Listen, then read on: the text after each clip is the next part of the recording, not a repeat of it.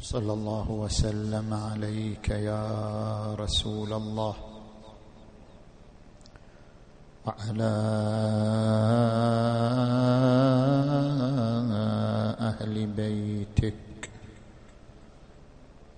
المنتجبين يا ليتنا كنا معكم فنفوز فوزا عظيما. أعوذ بالله من الشيطان الغوي الرجيم. بسم الله الرحمن الرحيم. إن الله يأمر بالعدل والإحسان. وإيتاء ذي القربى. آمنا بالله صدق الله العلي العظيم.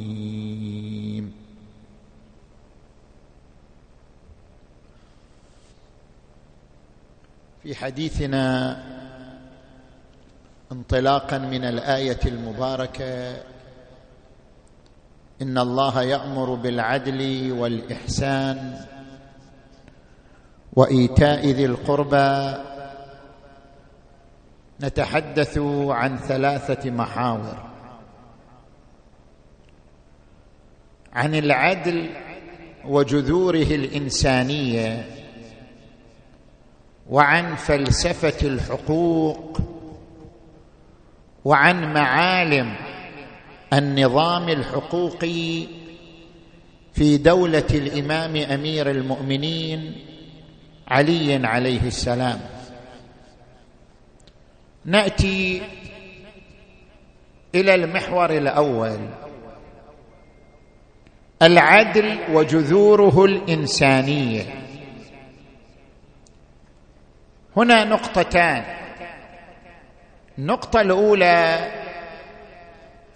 أن الطبيعة البشرية جبلت على عشق العدل والنفور من الظلم. حتى الإنسان الظالم هو يكره الظلم. حتى الإنسان الذي يعيش على الظلم يتبرأ من الظلم. لأن الطبيعة البشرية الفطرة الإنسانية خلقت في حالة رفض في حالة نفور من الظلم وانجذاب وإقبال على العدل. العدل والظلم عنوانان مختزنان في الطبيعة البشرية. ونفس وما سواها فألهمها فجورها وتقواها. ألهمها أن تنجذب إلى التقوى إلى العدل وألهمها أن تنفر من الفجور من الظلم فألهمها فجورها وتقواها وجميع القيم الأخرى ترجع إلى العدل والظلم. يعني لماذا الإنسان يكره الكذب؟ لأن الكذب ظلم. لماذا يحب الصدق؟ لأن الصدق عادل. لماذا يحب الإنسان الأمانة ويكره الخيانة؟ لأن الأمانة عدل والخيانة ظلم. لماذا ينجذب الإنسان نحو شكر النعمة وينفر من الكفران بالنعمة؟ لأن شكر النعمة عادل والكفر بالنعمة ظلم. جميع القيم جميع الخلال البشرية هي ترجع إلى مفردتين عدل وظلم. لذلك الطبيعة البشرية تميل لهاتين المفردتين إما بانجذاب أو بنفور. هذه النقطة الأولى. النقطة الثانية هناك عناوين ثلاثة لا بد أن نفرق بينها. العدل القسط الإنصاف. العدل شيء والقسط شيء آخر. والقسط غير الإنصاف. لكل عنوان مفهومه. العدل هو نظام. نظام يضع الحقوق في مواضعها. وضع الحقوق في مواضعها.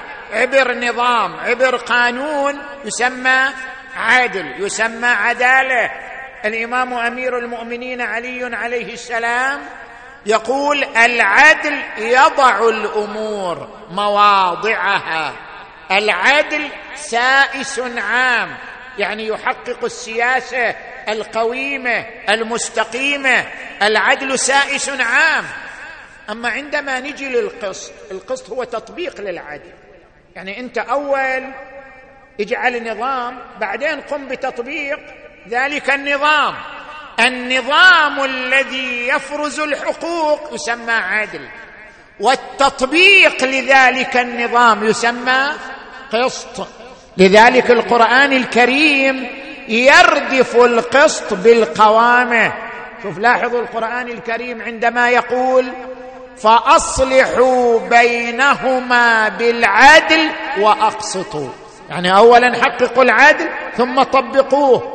فأصلحوا بينهما بالعدل وأقسطوا. إن الله يحب المقسطين. ويقول القرآن الكريم يا أيها الذين آمنوا كونوا قوامين بالقسط. ربط القسط بالقيام يعني بالتطبيق. كونوا قوامين بالقسط شهداء لله ولو على أنفسكم. ويقول القرآن الكريم وأقيموا الوزن بالقسط ولا تخسروا الميزان. عندما نأتي للعنوان الثالث وهو عنوان الإنصاف. ما معنى الإنصاف؟ الإنصاف درجة عالية من العدالة. يعني درجة راقية من العدالة أن يصل الإنسان إلى مستوى الإنصاف. الإنصاف أن تجعل نفسك مرآة لغيرك. كيف تجعل نفسك مرآة لغيرك؟ الإمام أمير المؤمنين علي عليه السلام يتحدث عن هذه النقطة. يقول اجعل نفسك ميزانا فيما بينك وبين غيرك فأحبب لغيرك ما تحب لنفسك. واكره له ما تكره لها ولا تظلم كما لا تحب أن تظلم. وأحسن كما تحب أن يحسن إليك. وارض من الناس بما ترضاه لهم من نفسك. وقال عليه السلام النصفة أو بالنصفة يكثر المواصلون. يعني النصفة هي اللي تحقق التواصل الاجتماعي. إذا رأى الناس منك انصافا تواصلوا معك. بالنصفة يكثر المواصلون. اذا في هذا المحور تبين لنا الفرق بين العدل وبين القسط وبين الإنصاف. نجي إلى المحور الثاني. قلنا العدل أو العدالة هي وضع الحقوق في مواضعها. لذلك لابد أن نعرف ما هي الحقوق. أنت أول اعرف الحقوق حتى تعرف العدالة. العدالة وضع الحقوق في مواضعها. من هنا نأتي إلى مادة قانونية يعبر عنها بفلسفة الحقوق. في كتب علم القانون فلسفة الحقوق مادة مهمة. فلسفة الحقوق تقوم على أسئلة أربعة. ما هو منطلق الحقوق؟ ما هو التعريف المنطقي للحق؟ ما هي المواد القانونية للحقوق؟ ما هي وسائل حماية الحقوق؟ عندنا أسئلة أربعة. نجيب عنها. نأتي إلى السؤال الأول. ما هو منطلق الحقوق؟ يعني المجتمع البشري عندما عين الحقوق من وين جابها؟ من أين نشأت كلمة الحقوق؟ من أين جاءت هذه المفاهيم التي يعبر عنها بالحقوق؟ من أين جاءت؟ منطلق الحقوق هو الطبيعة البشرية. أصلا علماء القانون قرأوا الطبيعة البشرية وانتزعوا من الطبيعة البشرية. هذه اللائحة التي تسمى لائحة الحقوق. الحقوق مشتقة من الطبيعة البشرية. كيف يعني مشتقة من الطبيعة البشرية؟ الآن أوضح لك. الإنسان خلق حيا. خلق وهبه الله الحياة. تبارك الذي بيده الملك وهو على كل شيء قدير الذي خلق الموت والحياة ليبلوكم أيكم أحسن عملا. وهب الإنسان الحياة فصار له حق الحياة. جاء من هبة تكوينية. صار للإنسان حق الحياة. خلق الإنسان حرا. الإنسان خلق حرا. زين؟ إنا هديناه السبيل إما شاكرا وإما كفورا هو حر. خلق الإنسان حرا فصار له حق الحرية. لذلك ورد عن الإمام علي عليه السلام لا تكن عبد غيرك وقد جعلك الله حرا. تجي مثلا إلى المساواة. من أين جاء حق المساواة؟ لأن البشر خلقوا متساوين. جميع البشر خلقوا بعناصر أربعة عقل إرادة مشاعر طاقة وقدرة. جميع البشر يملكون هذه العناصر الأربعة. اذا جميع البشر لهم حق المساواة. القران الكريم يقول ولقد كرمنا بني آدم وحملناهم في البر والبحر. ورزقناهم من الطيبات وفضلناهم على كثير ممن خلقنا تفضيلا. تجي إلى الحق الرابع حق الملكية. من أين جاء حق الملكية؟ طبعا عندنا في الملكية حق عام وحق خاص. الحق العام لكل المجتمع نصيب من الملكية. ما يصير واحد في المجتمع فقير. بحسب نظام الحقوق لا يوجد فقير. بحسب نظام لائحة الحقوق لا فقر. كل فرد من المجتمع له نصيب من شنو؟ من الثروة. كما ورد عن الإمام علي عليه السلام ما جاع فقير إلا بما متع به غني. يعني هذه المتعة واللذة الموجودة عند الغني هي راجعة لمن؟ راجعة للفقير. ما جاع فقير إلا بما متع به غني. لأجل ذلك هناك حق عام. لجميع أبناء المجتمع حق في ثروة الأرض. يقول القرآن الكريم خلق لكم ما في الأرض جميعا. هو أنشأكم من الأرض واستعمركم فيها. يعني طلب منكم إعمار الأرض. وقال تبارك وتعالى وسخر لكم ما في السماوات وما في الأرض وأسبغ عليكم نعمه ظاهرة وباطنة. وإن تعدوا نعمة الله لا تحصوها. وهناك حق خاص هذا الحق العام.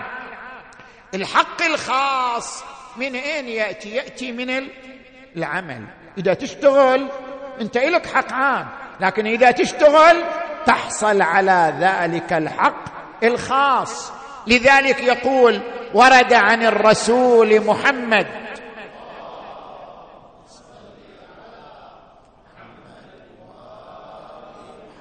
من أحيا أرضا مواتا فهي له لأنه بذل جهد. لكل من بذل جهدا نتيجة جهده نتيجة طاقته. وقال صلى الله عليه وآله من سبق إلى ما لم يسبق إليه مسلم فهو أحق به. زين.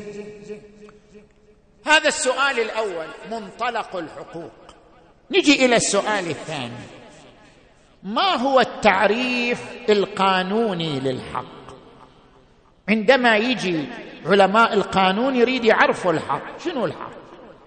ما هو التعريف القانوني للحق؟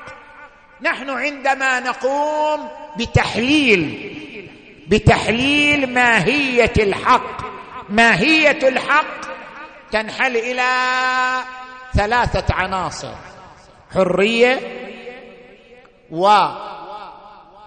وواجب وسلطة. ما في حق إلا ومعه حرية وواجب وسلطة. كيف هذا المعنى نفهمه؟ مثلا عندما يقال للإنسان حق الاستثمار أنت الآن مواطن لك حق الاستثمار ضمن القطاع الخاص. زين؟ شنو معنى حق الاستثمار؟ للإنسان حق الاستثمار يعني حرية وواجب وسلطة. حرية يعني ان لك الحرية أن تستثمر بأي لون بأي شكل من أي مصدر من أي طريق. أنت حر. هذا معنى حق الاستثمار. لك الحرية. وهناك واجب. لا يثبت حق من جهة إلا ومعه واجب من جهة. يعني إذا كان لك حق فعلى غيرك واجب. إذا عليك عليك واجب لغيرك حق. وهكذا. الحق والواجب لا يفترقان. مثلا أنا لي حق الاستثمار. اذا يجب على الدولة أن تهيئ لي وسائل شنو؟ وسائل الاستثمار. متى ثبت حق لأحد؟ ثبت واجب على طرف آخر. لاحظوا تعبير الإمام علي دقيق هنا. يقول الحق أوسع الأشياء في التواصف وأضيقها عند التناصف. عندما نريد نتكلم عن الحق نتكلم بعبارات واسعة لكن عندما نريد نطبقه هنا يجي الضيق وتجي الأنفة وتجي الأنانية. الحق أوسع الأشياء في التواصف وأضيقها عند التناصف. لا يجري لأحد إلا جرى عليه. ما يثبت الحق لأحد إلا ويثبت عليه أيضا حق ولا يجري على أحد إلا جرى له. اذا متى ثبتت حرية؟ ثبت في قبالها واجب. ومتى ثبت واجب؟ ثبتت سلطة. أنا لي الحق في الاستثمار. يعني شنو لي الحق في الاستثمار؟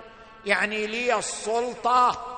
أنا أمنع أي شخص يعيق استثماري ويقف أمام استثماري لي السلطة على ذلك ولو بالشكوى عليه أمام القانون. الحق يعني الحرية والسلطة. لذلك إذا تزاحمت الحقوق هنا تتدخل الدولة لفك التزاحم وتقديم الأهم على المهم. هل أضرب لك مثال. الآن مثلا حسب الإنسان اللي عنده ثروة اللي عنده قدرة مالية من حقه ضمن القطاع الخاص أن ينشئ مصانع. زين. هذه المصانع تقتضي غازات تلوث البيئة. صح لو لا؟ هنا يتزاحم حق هذا الإنسان التاجر مع حق المجتمع. حقه في أن يستثمر أمواله ضمن مصانع معينة. حق المجتمع أن يعيش بيئة صحية نقية. يحصل التزاحم بين الحقين. تتدخل الدولة لفك هذا التزاحم. تفرض على هذا صاحب المصنع أن يوفر طاقة غير ملوثة غير مضرة. أو يبعد مصانعه إلى قلب الصحراء لكي لا تضر بسلامة البيئة وصحة البيئة. الآن إحنا في الظرف الحالي ظرف الكورونا. طيب أصحاب القطاع الخاص يقول لك إحنا من حقنا عبر المطاعم عبر الأسواق أن نستثمر أموالنا. لكن المجتمع أيضا إلى حق في أن يضمن بيئة صحية بيئة نقية فتح المطاعم فتح الأسواق من دون نظم من دون احترازات صحية يعرض حق المجتمع في بيئة صحية للخطر. لذلك جمعا بين الحقين يقال لابد من الالتزام بالنظم والاحترازات الصحية جمعا بين الحقوق. زين. نجي إلى السؤال الثالث. السؤال الثالث في فلسفة الحقوق. نقول آه ما هي المواد القانونية للحق؟ يعني إحنا من نرجع إلى جمعية الأمم المتحدة عام 1948 أعلنت جمعية الأمم المتحدة لائحة حقوق الإنسان. وصادقت عليها جميع الدول عام 1966 الدول المشتركة في جمعية الأمم المتحدة. ما هي الحقوق الأساسية التي وضعتها لائحة حقوق الإنسان في جمعية الأمم المتحدة؟ حقوق الأساسية أربعة. حق التعليم حق الصحة حق الملكية حق الحكم. تجي إلى حق التعليم من حق كل مواطن أن يحصل على فرصة التعليم اللائقة به والقادر عليها. زين. الحق الثاني حق الصحة. من حق كل مواطن أن يعيش بيئة صحية وأن يضمن له طرق الوقاية من الأمراض. وأن يوفر له العلاج المجاني عند تعرضه للأمراض. زين؟ هذا الحق الثاني. الحق الثالث ألا وهو حق الملكية. يعني لكل مواطن فرصة عمل. لازم تكون له فرصة عمل. لكل مواطن فرصة عمل. من خلالها يستطيع أن يملك نصيبا من الثروة ليوفر لنفسه العيش الكريم. الحق الرابع هو حق الحكم وهو المعبر عنه بحق تقرير المصير. اذا هناك حقوق أربعة وضعتها جمعية الأمم المتحدة. هذه تعتبر منطلق للحقوق. الإسلام وفكر الإمام علي عليه السلام أضاف حقوقا أخرى. يعني هذه اللائحة مو كافية. كيف؟ حق الجنين. ترى الجنين إلى حق. الجنين من حقه أن لا يجهض وإن لم تلجه الروح. الجنين متى تلجه الروح؟ إلى الآن طبيا ما في شيء دقيق ولكن تقريب أن الجنين إذا أكمل 12 أسبوع تلجه الروح. يعني يخرج من الحياة. النباتيه الجنين أول شيء يمر بحياة نباتية نمو مثل ما ينمو النبات. بعدين يمر بحياة حيوانية يصير عنده إحساس وحركة مثل بقية الحيوانات. بعدين يوصل للحياة الإنسانية. ثم أنشأناه خلقا آخر.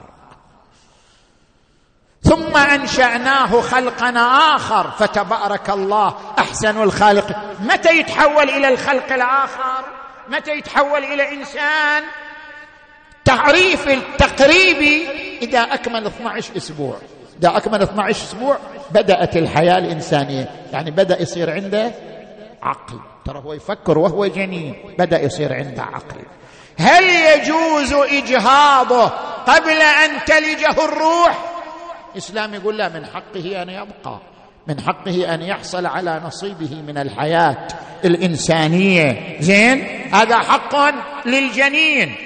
تجي مثلا إلى حق الجار. الأمم المتحدة ما وضعت حق للجوار. بينما الإسلام يؤكد على حقوق الجوار بشكل مفصل. ورد عن الرسول محمد.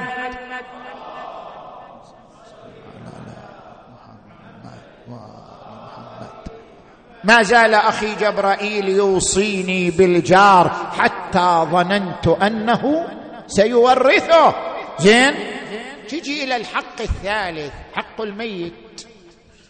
أغلب المجتمعات ما ترى للميت حق. خلاص ما تخلي بالتراب مع السلامه شنو بعد حق له خلاص هو مو إنسان هو تحول إلى مادة ترابية.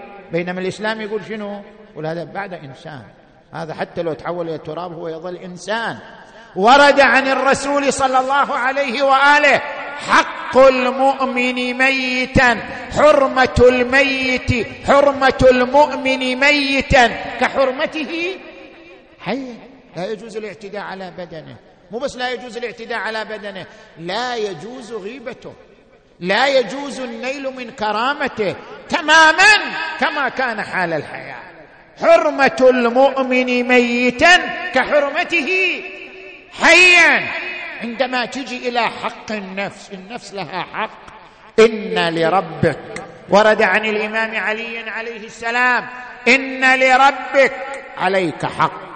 ولأهلك عليك حق ولنفسك عليك حق فأعط كل ذي حق حقه حق نفسك أن تربيها على التقوى حق نفسك أن تقيها من نار جهنم. قوا أنفسكم وأهليكم نارا وقودها النأس والحجارة عليها ملائكة غلاظ شداد. زين نجي الآن إلى السؤال الرابع.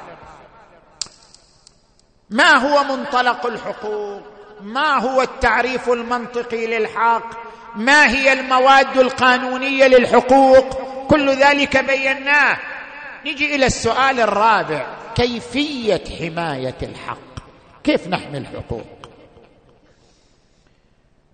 هنا إذا نرجع إلى مصطلح ذكرته جمعية الأمم المتحدة مصطلح العدالة الاجتماعية. العدالة الاجتماعية من وين جاء؟ هذا مصطلح كاثوليكي.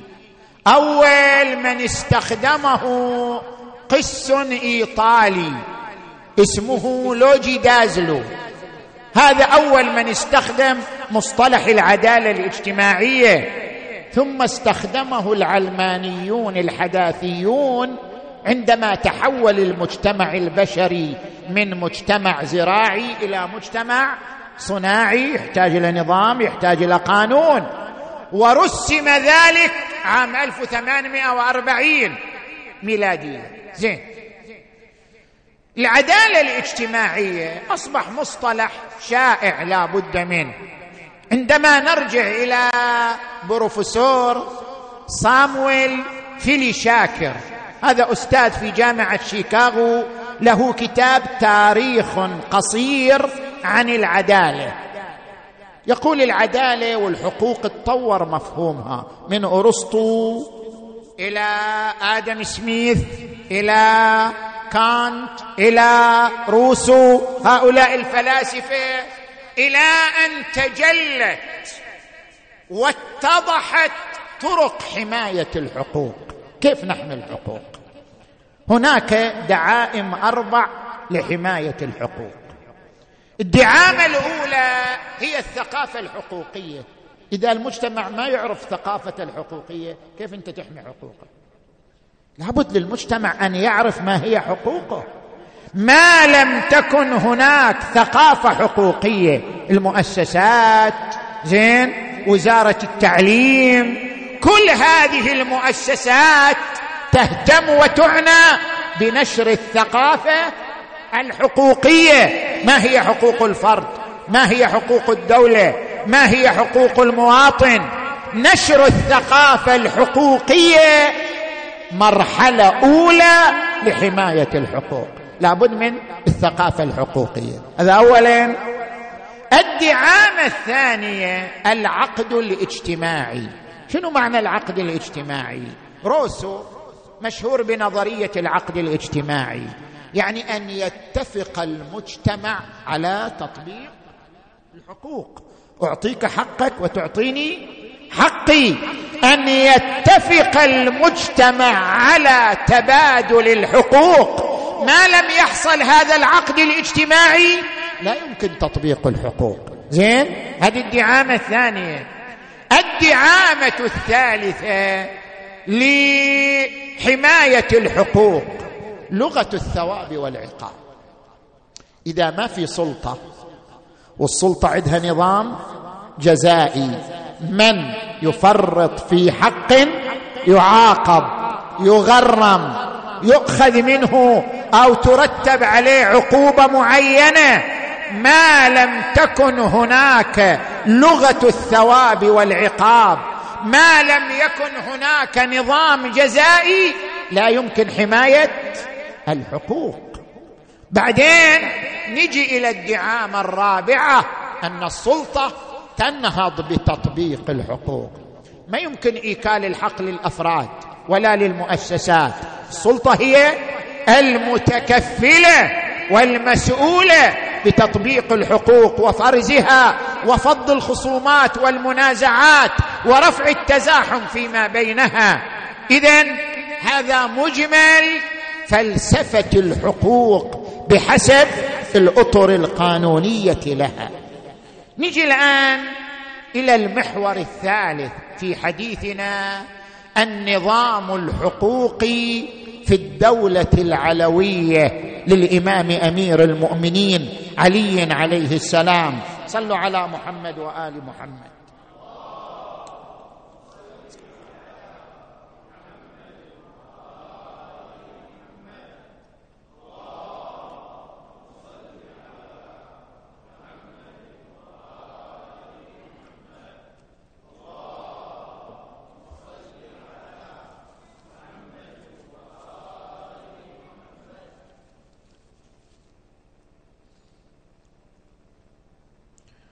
النظام الحقوقي في الدولة العلوية له ركائز ثلاث. الركيزة الأولى المواطنة الصالحة. أهم بند في الدولة العلوية المواطنة. يعني شنو المواطنة؟ المواطنة في تعريف القانوني هي علاقة عضوية بين الدولة وبين الفرد يرمز لها بالجنسية الجنسيه رمز للمواطنة. من امتلك الجنسية ملك الحقوق الأربعة اللي ذكرناها حق الصحة وحق الملكية وحق التعليم وإلى آخره. زين؟ وعليه واجبات. المواطن عليه واجبات تجاه دولته تجاه وطنه. الإخلاص لوطنه. الدفاع عن وطنه إذا تعرض لحرب لصدام عدم الخيانة لوطنه. كل هذه حقوق لوطنه عليه كما له حقوق على وطنه وأبناء وطنه. زين؟ الإمام علي عليه السلام ياكد المواطنة الصالحة من خلال عدة بنود. البند الأول الكرامة. لكل مواطن كرامة بغض النظر عن دينه مذهبه عرقه لونه لغته المواطن له كرامة. يكتب الإمام علي عليه السلام في عهده لمالك الأشتر وأشعر قلبك الرحمة للرعية واللطف بهم والرفق بهم ولا تكونن عليهم سبعا ضاريا تغتنم أكلهم. فإن الناس صنفان. إذا تروح نيويورك تدخل مبنى الأمم المتحدة في نيويورك وتمر تشوف هذه مكتوبة باللغة الإنجليزية واللغة العربية فإن الناس صنفان. إما أخ لك في الدين أو نظير لك في الخلق.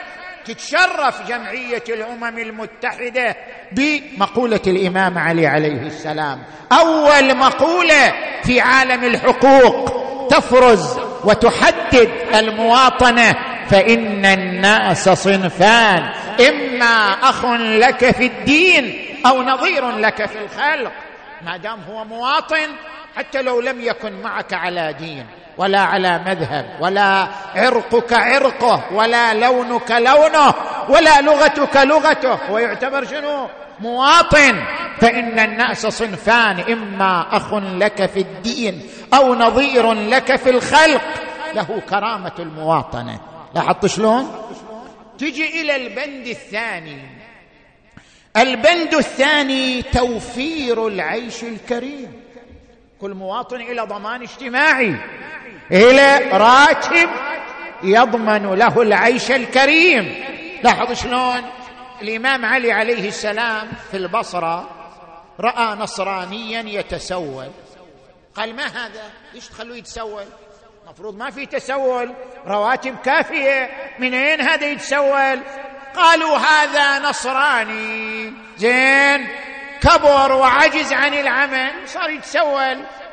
قال ويحكم استخدمتموه حتى إذا كبر. تركتموه يتكفف الناس. أعطوه من بيت مال المسلمين. يعني هذا إلى راتب يضمن له العيش الكريم والحياة الكريمة. وإن كان عاجزا تجي إلى البند الثالث المساواة في العطاء. ما في فرق بين المواطنين من حيث العطاء.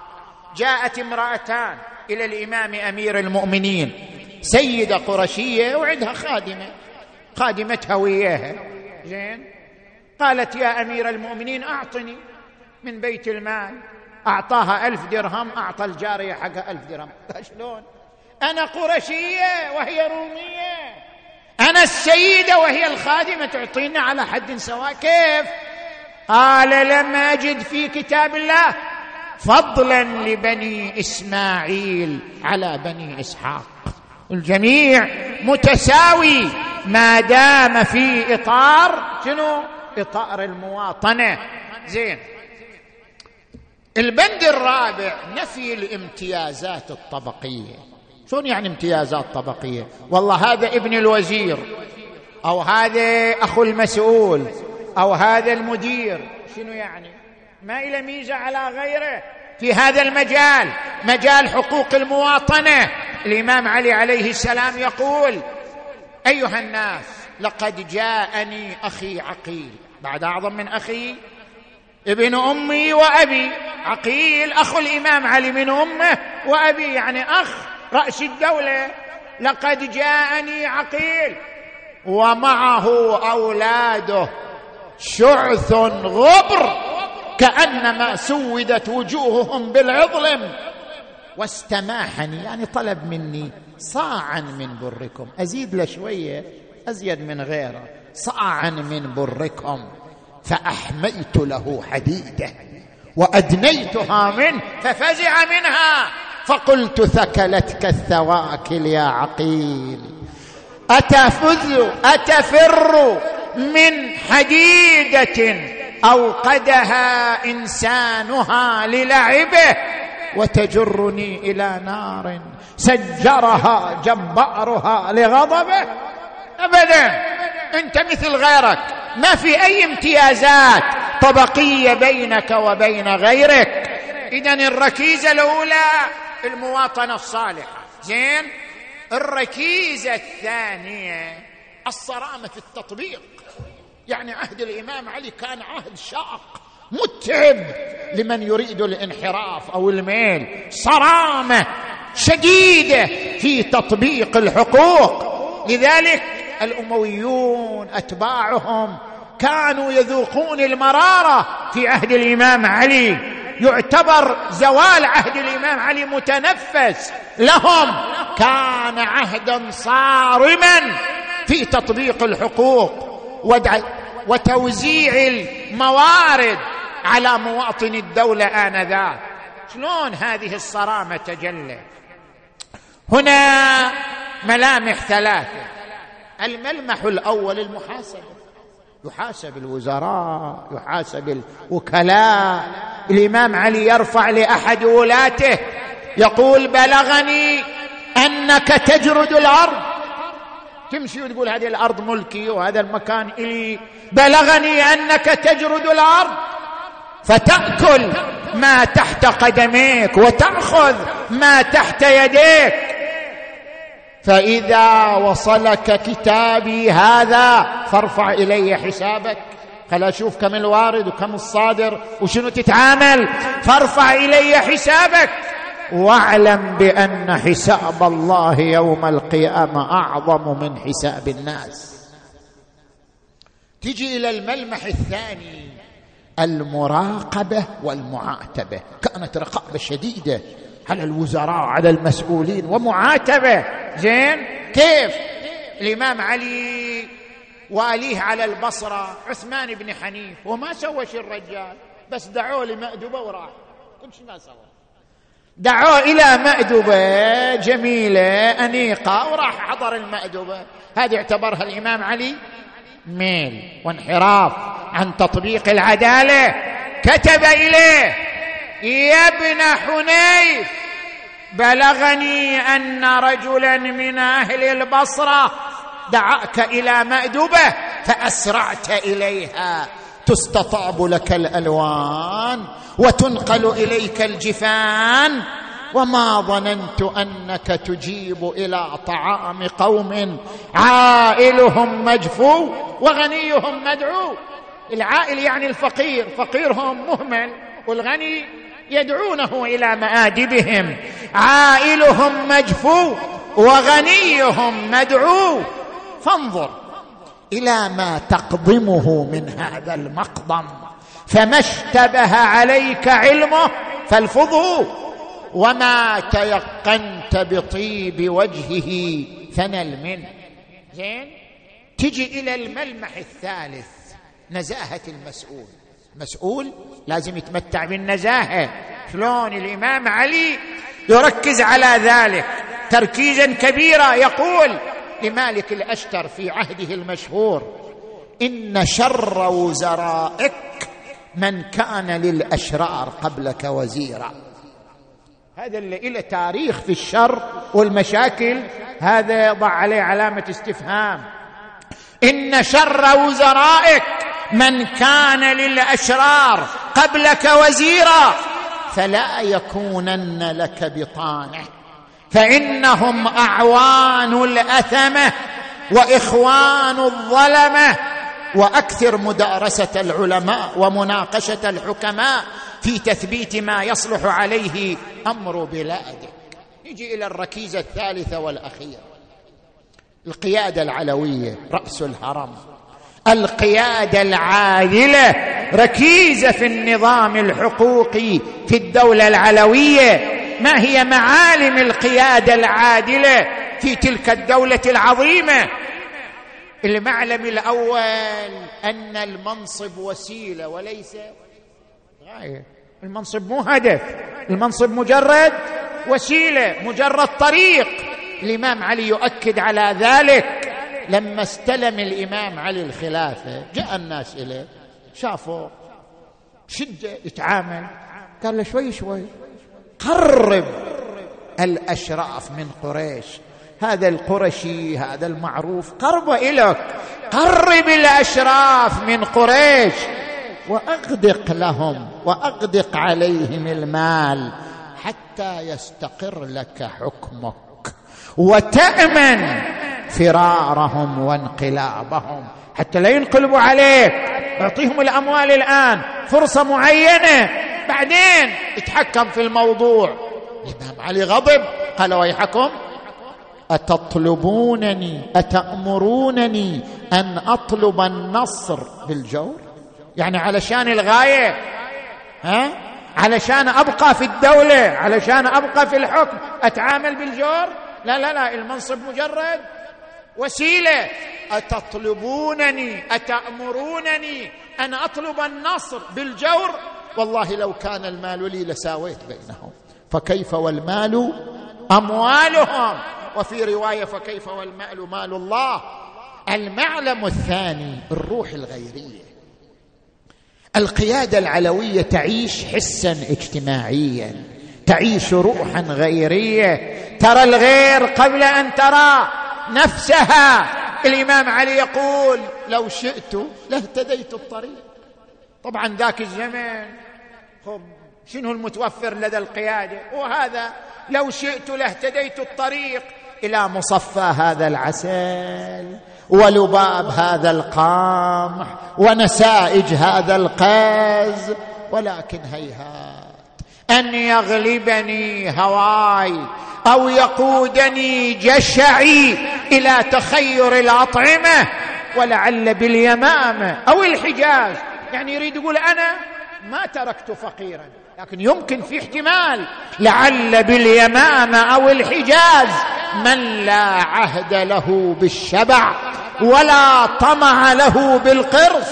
أأبيت مبطانا وحولي بطون غرثا وأكباد حرا. أأقنع من نفسي أن يقال لي أمير المؤمنين ولا أشاركهم في مكاره الدهر. وحسبك داء أن تبيت ببطنة. وحولك أكباد تحن إلى القج. قائد الدولة يلبس ثوب مرقع ونعل مخصف وعيش في كوخ. آجر على آجر يعني من الطين. وقال لقد جئت إلى داركم فما وضعت آجرا على. حتى دار ما بنيت لي. أنا جلست في هذا الكوخ إلى أن أخرج منه. هكذا كان يعيش حسا اجتماعيا. وروحا غيرية. المعلم الثالث الشفافية. صريح واضح. ما في شيء يخبى من حكمه ولا من جدول حكمه. صريح وواضح. تشوف الآن في الولايات المتحدة عام 1976 أصدر الكونغرس الأمريكي قانون شو اسمه؟ الحكومة تحت أشعة الشمس. يعني شنو الحكومة تحت اشعه الشمس؟ يعني كل الوكالات الفدراليه ما تعقد اجتماع إلا بمرأ من الناس الناس تدري عنه ما في شيء يخفى.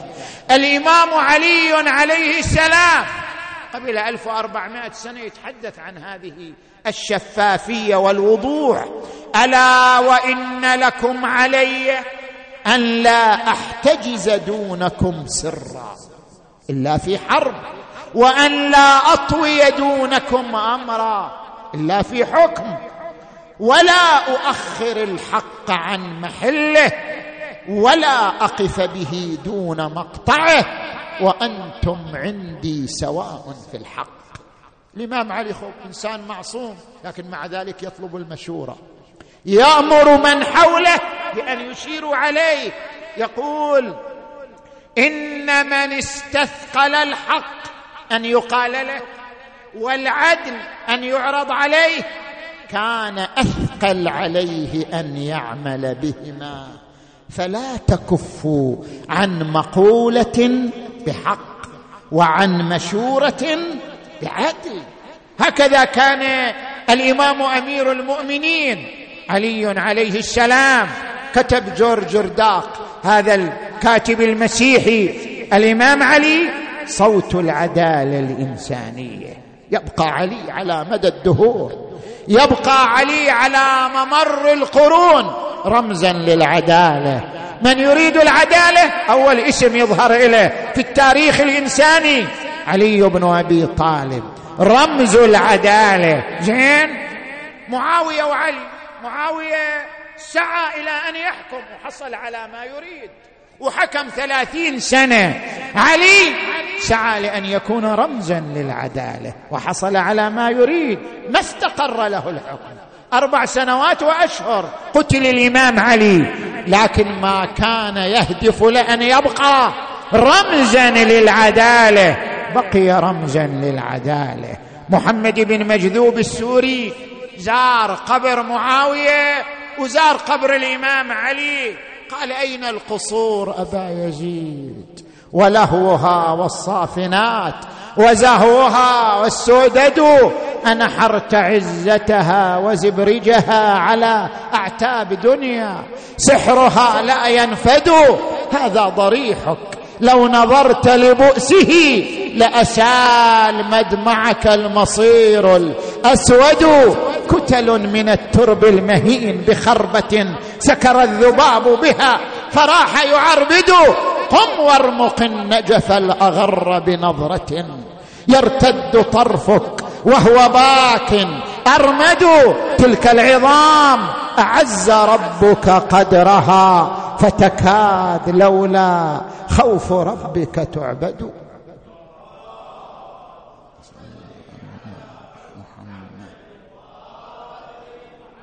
علي بن أبي طالب الرحيم الرؤوف الذي يحمل جراب الطعام على ظهره يدور به على فقراء الكوفة يقول أنا أولى بحمله من أي شخص آخر يدخل على الفقراء الذين لهم أمراض مزمنة يسقيهم يطعمهم ينظف أجسامهم حتى لما رجع الحسنان من دفن أمير المؤمنين مر على دار سمع بكاء أنينا دخل تلك الدار رأى فقيرا مقعدا مزمنا دخل عليه نظفاه أطعماه سقياه سألهم قال كان هناك من يأتي إلي في كل يوم ينظف لي يسقيني يطعمني أين ذهب عني؟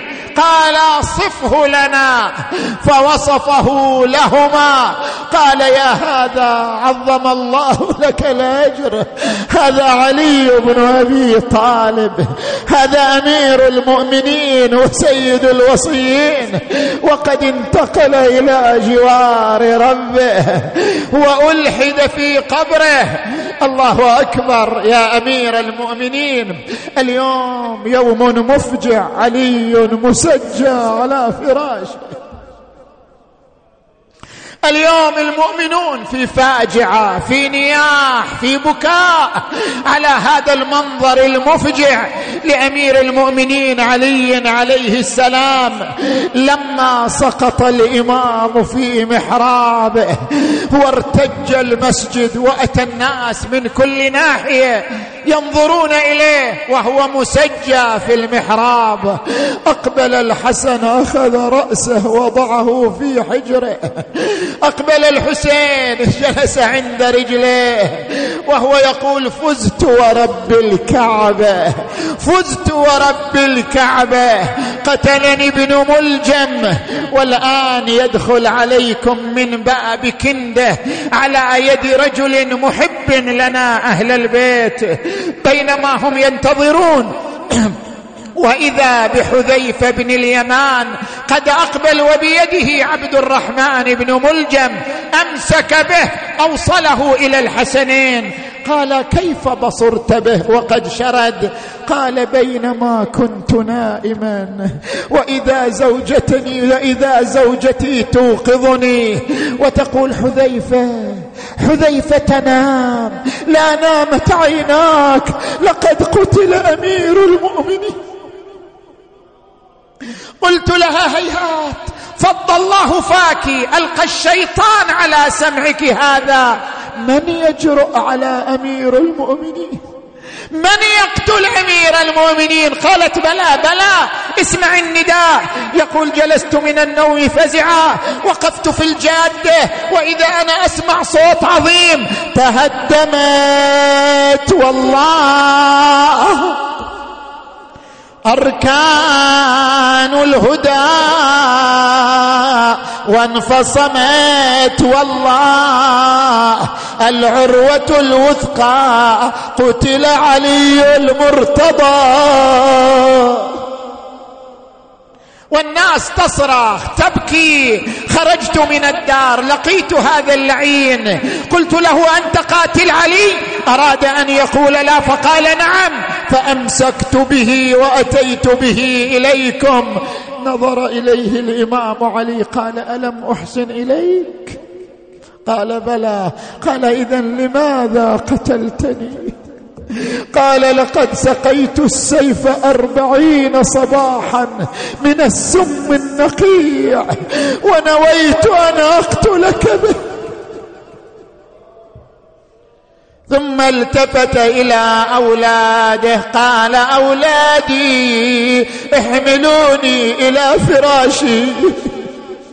فلقد أثر نزف الدماء على بدني. يا شيعة يا موالين حملوا الجنازة على الأعناق وجاءوا بها إلى الدار. وإذا بزينب واقفة على الباب الله يعينها الله يساعدها. آه لما رأت ذلك المنظر البطل العظيم علي بن أبي طالب وهو محمول على الأعناق. وزينب تنادي الذي محمول من وين؟ بالله اخبروني يا أخوتي يا حسن. قالوا لها يا مخدرة سيد الكون. شقت الجيب بالعجايل للقاع خرت. حست دمع العين فوق الخد همال. طلعت سالم ورجعت لي بهالحال. محمول يا ابو حسين فوق اعناق الرجال وضع الامام علي على فراشه. تفرق الناس عين. دخلت عليه زينب وأم كلثوم. وهنا يناديان أبا أبا من للصغير. حتى يكبر ومن للكبير بين الملا تشرع علينا نزلة الكوفة يا أبو حسين. فالك عسفال السلام يا ضيل. قال هالحسن يا أختي سلام للاب منين ما تنظرين السيف شق غرة جبي ما ظنتي حامل حماه من طبرة يقوم. هذا الطبيب يقول سيف الرجس مسموم. مقزر ابونا حسبته يوم بعد يوم. لونه تغير وانت حال ما تنظرين. قالت يا عقلي نطلب من الله السلامة. ويقوم أبو الحسنين ويتمم صيام. ونعيد بزينة ولا نعيد يتام. قالها يا خي العيد لا تتذكرين وفتح عيون المرتضى والدمع والدمع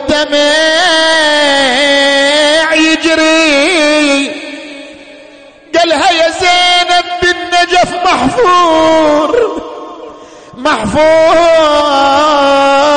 قبري.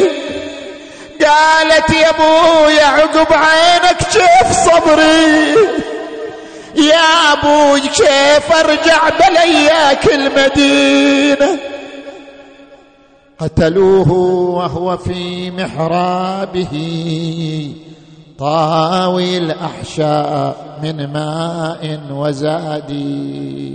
يا الله بحق أمير المؤمنين اللهم اغفر ذنوبنا واستر عيوبنا وكفر عنا سيئاتنا وتوفنا مع الأبرار. اللهم اشف مرضانا ومرضى المؤمنين والمؤمنات واقض حوائجنا وحوائجهم فرج عن المؤمنين والمؤمنات في كل مكان. يا أرحم الراحمين اللهم كن لوليك الحجة بن الحسن صلواتك عليه وعلى آبائه في هذه الساعة وفي كل ساعة وليا وحافظا وقائدا وناصرا ودليلا وعينا حتى تسكنه أرضك طوعا وتمتعه فيها طويلا. برحمتك يا أرحم الراحمين وإلى أرواح أمواتكم وأموات المؤسسين والمؤمنين والمؤمنات. الفاتحة تسبقها الصلاة. اللهم صل على محمد وآل محمد.